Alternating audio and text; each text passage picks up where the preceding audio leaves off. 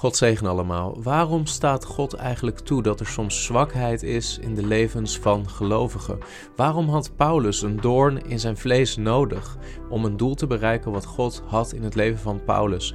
Daar gaan we vandaag over nadenken. We gaan stilstaan bij 2 Korinthe hoofdstuk 12 vers 1 tot en met 10.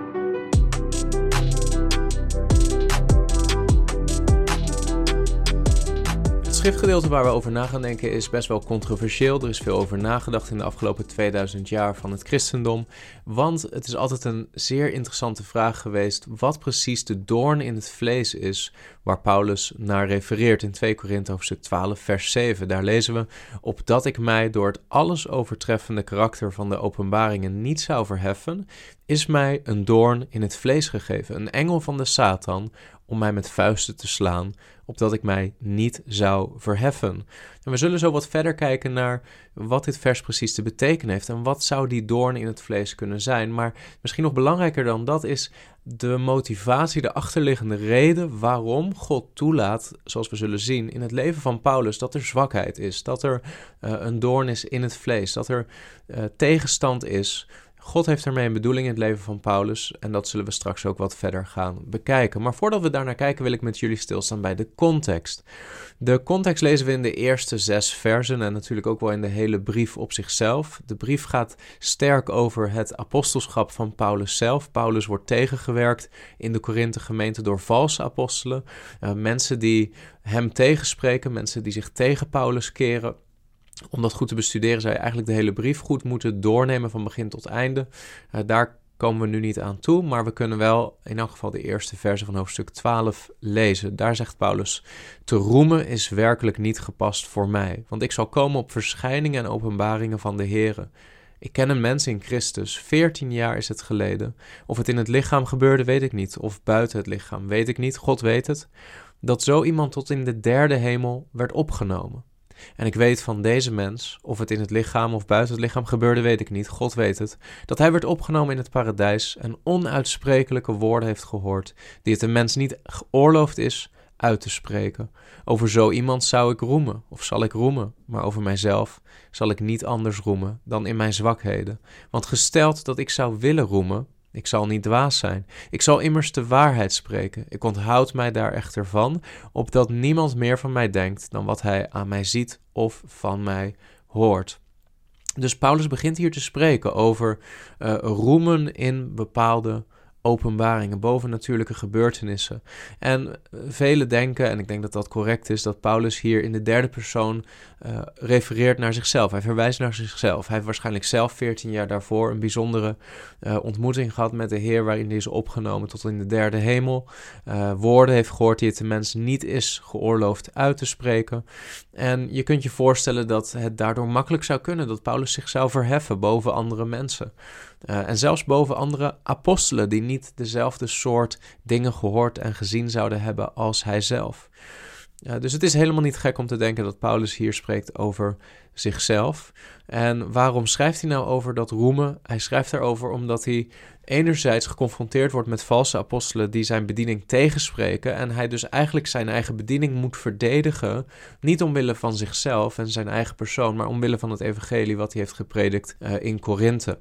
Maar lezen we dan verder, want dat is dus in feite de context. De context is, Paulus moet zijn bediening verdedigen en tegelijkertijd wil hij niet op een trotse manier roemen in zijn eigen uh, kracht. En dan lezen we verder, 2 Korinthe 12 vanaf vers 7.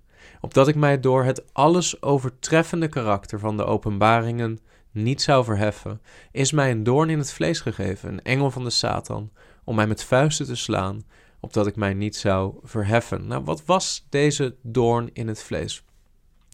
We lezen eigenlijk meteen hier achteraan dat er staat een engel van de Satan. En dat is waarschijnlijk ook wat het is. Hè? De doorn in het vlees is een symbolische uitspraak. De engel van de Satan is waarschijnlijk de letterlijke betekenis van wat hij bedoelt. Hij heeft het over een angelos satana. En dat is een engel of een boodschapper van de Satan of van de tegenstander. En het meest waarschijnlijk is dat het hier niet zozeer gaat over een lichamelijke ziekte of aandoening, zoals veel wordt gesuggereerd door mensen, maar dat het gaat over valse apostelen die tegen Paulus spraken. en de geestelijke machten die daarachter zaten. Misschien ook een demon die door de Satan gestuurd was om tegenstand te creëren in de gemeente te Korinthe tegen Paulus, zijn persoon en zijn bediening.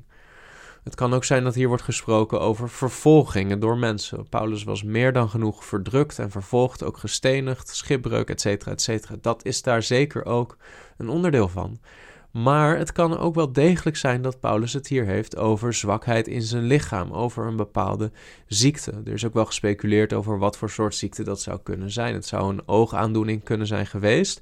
Uh, zoals we straks zullen zien in Gelaten hoofdstuk 4 zijn daar mogelijk wat aanwijzingen voor. Het kan ook een ander soort lichamelijke aandoening kunnen zou het kunnen zijn geweest. Het kan ook een lichamelijke handicap als gevolg van een van de vervolgingen geweest zijn. Hè? Paulus die gestenigd is geweest, het zou kunnen dat hij daar bepaald letsel aan heeft overgehouden, wat niet helemaal weg is gegaan nadien, waar hij niet helemaal van hersteld is. Maar lees bijvoorbeeld Gelaten hoofdstuk 4 vanaf vers 13.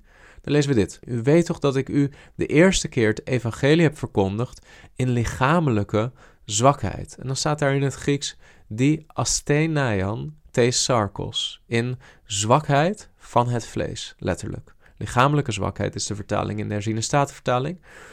Dus Paulus heeft de eerste keer dat hij in Galatië was, het evangelie verkondigd in lichamelijke zwakheid. Dan zegt hij erachteraan, want overigens dit gaat dus niet over vervolging of zo, dit gaat wel degelijk over een lichamelijk probleem. Hè, want er wordt heel expliciet gesproken over asthenaian sarkos, zwakheid in het vlees. Vers 14. En toch hebt u mijn beproeving, die in mijn lichaam plaatsvond, niet veracht of verafschuwd, maar ontving u mij als een engel van God, ja, als Christus Jezus. Waarin prees u zich dan gelukkig?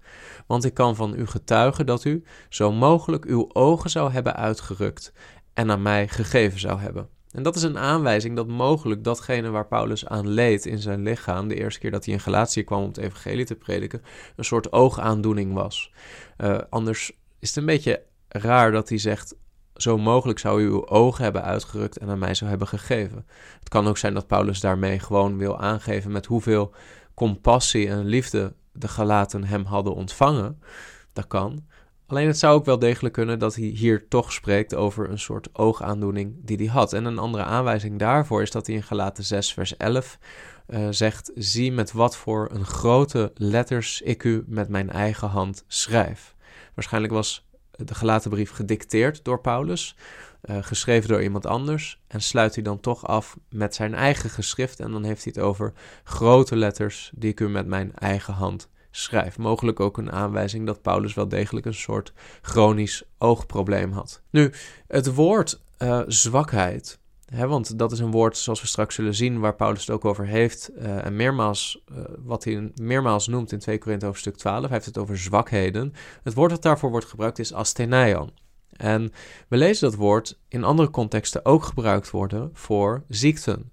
En dat is nog een extra reden om te denken dat Paulus het wel degelijk zou kunnen hebben in 2 Korinthe hoofdstuk 12 ook over bepaalde ziekten waar hij mee kampte.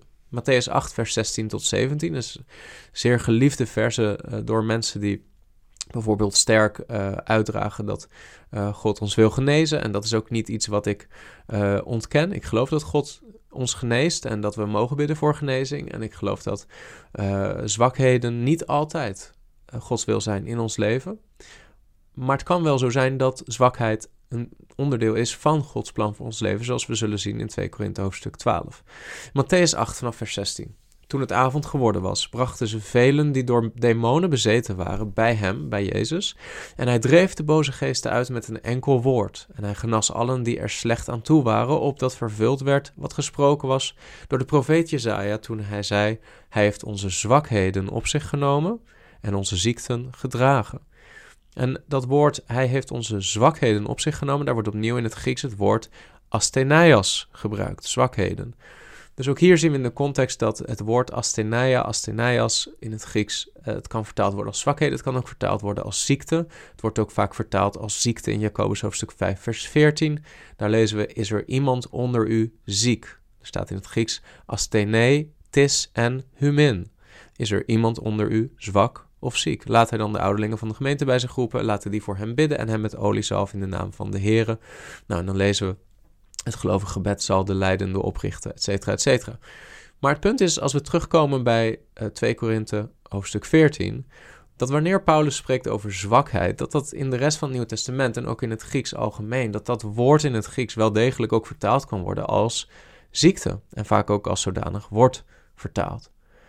Dus Paulus heeft uh, opnieuw terugkomend op 2 Korinthe 12, vers 7, heeft een doorn in het vlees. Nou, een doorn, dan denken we vaak aan een soort klein, uh, een kleine doorn die op de steel van een roos zit. Maar dat is waarschijnlijk niet wat hier wordt bedoeld. Het woord is groter dan dat. Waarschijnlijk wordt hier bijna een soort van de, de, het puntje van een speer gebruikt. Het is wel echt een wat grotere doorn dan die van een rozensteel. Een speer in het vlees van Paulus, een engel van de Satan. Om hem met vuisten te slaan. Het is ook niet uh, alsof um, uh, het alleen gaat over het doorboren van zijn lijf, maar Paulus wordt geslagen. Er is een soort kwelling, er zit pijn in wat hier gebeurt. Hij lijdt hieronder. En dan zegt hij achteraan: waarom is dat gegeven aan hem? Opdat ik mij niet zou verheffen. Dus daar zien we al iets van het doel wat God ermee heeft. Opdat Paulus zich niet te zeer zou verheffen. Zodat hij niet trots zou worden. God gebruikt, kennelijk, deze doorn in het vlees, deze engel van de Satan. Deze vuistslagen die Paulus krijgt om hem nederig te houden, om hem in de juiste toestand van zijn hart te bewaren. Dan zegt Paulus vers 8: Hierover heb ik de Heere driemaal gesmeekt dat hij van mij weg zou gaan. En allereerst is goed om daar iets in te zien. En dat is dat wij mogen de Heer altijd vragen om bepaalde zwakheden en ook ziekten weg te nemen uit ons leven. En het feit dat Paulus dat doet als apostel, laat ook zien dat, dat wat het ook is voor zwakheid in ons leven, of dat het nou vervolging is, of dat het nu, um, of dat het nu is dat, dat mensen kwaad over ons spreken, of dat onze bediening wordt aangevallen, of um, onze evangelieprediking wordt ondermijnd, maar ook als we lijden met bepaalde zwakheid in ons lichaam, of emotionele zwakheid, of teneergeslagenheid, somberheid, angst waar we mee worstelen, aanvallen vanuit het geestelijke. Wat het ook is, wij mogen de Heer bidden en smeken om het van ons weg te nemen. En het feit dat Paulus dat ook doet, geeft ook aan dat Paulus wel degelijk een bepaalde verwachting had dat de Heer het weg zou nemen. Mijn punt is ook niet om te zeggen dat God altijd alle zwakheid in ons leven um, wil uh, gebruiken op dezelfde manier. Dat is denk ik ook niet wat blijkt uit het feit dat Paulus drie keer smeekt aan de Heer om het weg te nemen. Er kan bepaalde ziekte zijn, er kan bepaalde zwakheid zijn, er kan bepaald lijden zijn waarvoor wij de Heer mogen bidden en Hij zal het wegnemen. Hij zal ons genezen. Hij zal voorzien in wat wij nodig hebben op dat moment.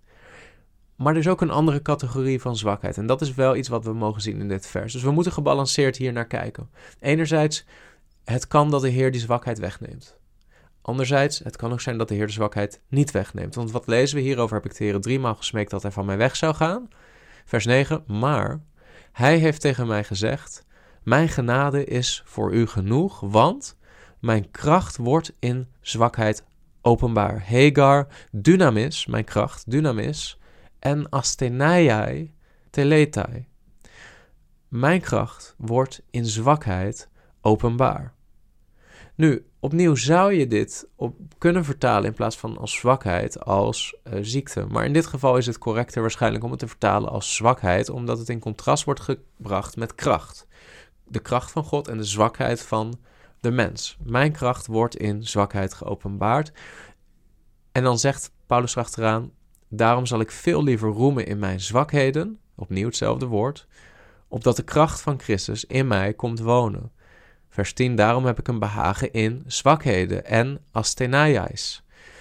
In smadelijke behandelingen, in noden, in vervolgingen, in benauwdheden, om Christus wil. Want wanneer ik zwak ben, dan ben ik machtig. Nu, er zijn mensen die proberen te beargumenteren dat, um, dat Paulus het hier alleen maar heeft over vervolging, omdat in de opsomming die hij noemt, het al snel gaat over smadelijke behandelingen, noden, vervolgingen, benauwdheden. Um, het punt is dat daarmee sla je wel dat eerste woord over. Het eerste woord is zwakheden. En zoals we gezien hebben, kan dat uh, net zo goed vertaald worden als ziekten, als moeite, als lichamelijke kwalen, als lichamelijke beproevingen en verdrukkingen. Dus um, op het moment dat je dat eerste woord zou overslaan, dan zou je waarschijnlijk kunnen uitkomen op een interpretatie dat het alleen maar gaat over vervolging. Dat de doorn in het vlees, de engel van de Satan, alleen maar gaat over verdrukkingen vanuit mensen. Alleen het punt is dat dat eerste woord, dat gaat over meer dan alleen maar vervolgingen. Dat gaat over zwakheden, over asthenia's. Waarvan we eerder hebben gezien dat dat woord wordt toegepast in ook andere schriftgedeelten, waar het wel degelijk gaat over lichamelijke ziekte, lichamelijke verdrukking en genezing in de context. Wat is mijn punt? Het punt is dat ook te midden van deze zwakheid, wat het ook was bij Paulus, want dat zullen we niet helemaal weten. Zoals ik zei, het meest waarschijnlijk is dat het inderdaad gaat over bepaalde um, valse apostelen die zijn werk in de Korinthe gemeente afbreken, die het geloof in het evangelie afbreken en die Paulus tegenspreken. Dat is de meest waarschijnlijke interpretatie.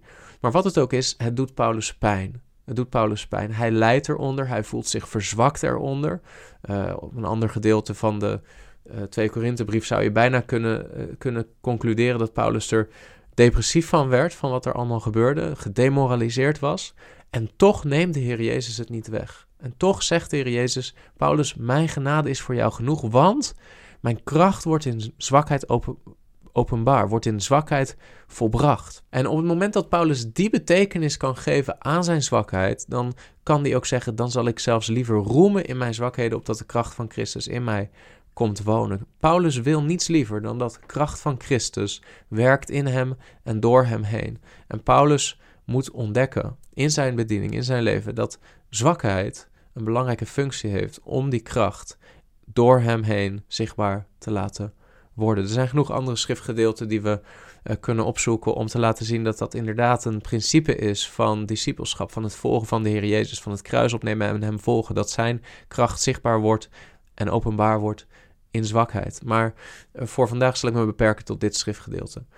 Mijn punt is, ik, hoop dat je bemoedigd bent uh, om dit te zien, dat soms God een doel heeft met zwakheden. En om die reden soms, niet altijd, soms neemt God de zwakheden weg op ons gebed. Soms is dat ook um, Gods wil door een situatie heen. Dat wij leren vertrouwen op, op God als onze Vader, op de Heer Jezus. Dat wij met onze ziekte, met onze zwakheid naar Hem toe gaan. Dat er broeders zijn die voor ons bidden. En dat we genezen. Dat, daar mogen we ook op vertrouwen. Daar mogen we in geloven.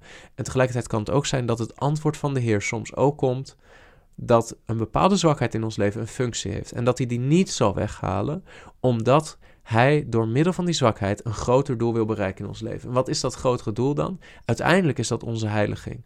Onze heiliging. In de situatie van Paulus was het om hem nederig te houden en ervoor te zorgen dat zodoende uiteindelijk zijn bediening vruchtbaarder was. Paulus moest gesnoeid worden, zodat uiteindelijk hij meer vrucht zou dragen door verbonden te blijven aan de wijnstok die Jezus Christus is. Ik hoop dat jij iets hebt gehad aan deze video. Als dat zo is, druk dan op like en abonneer je op dit kanaal. En tot de volgende keer. God zegen.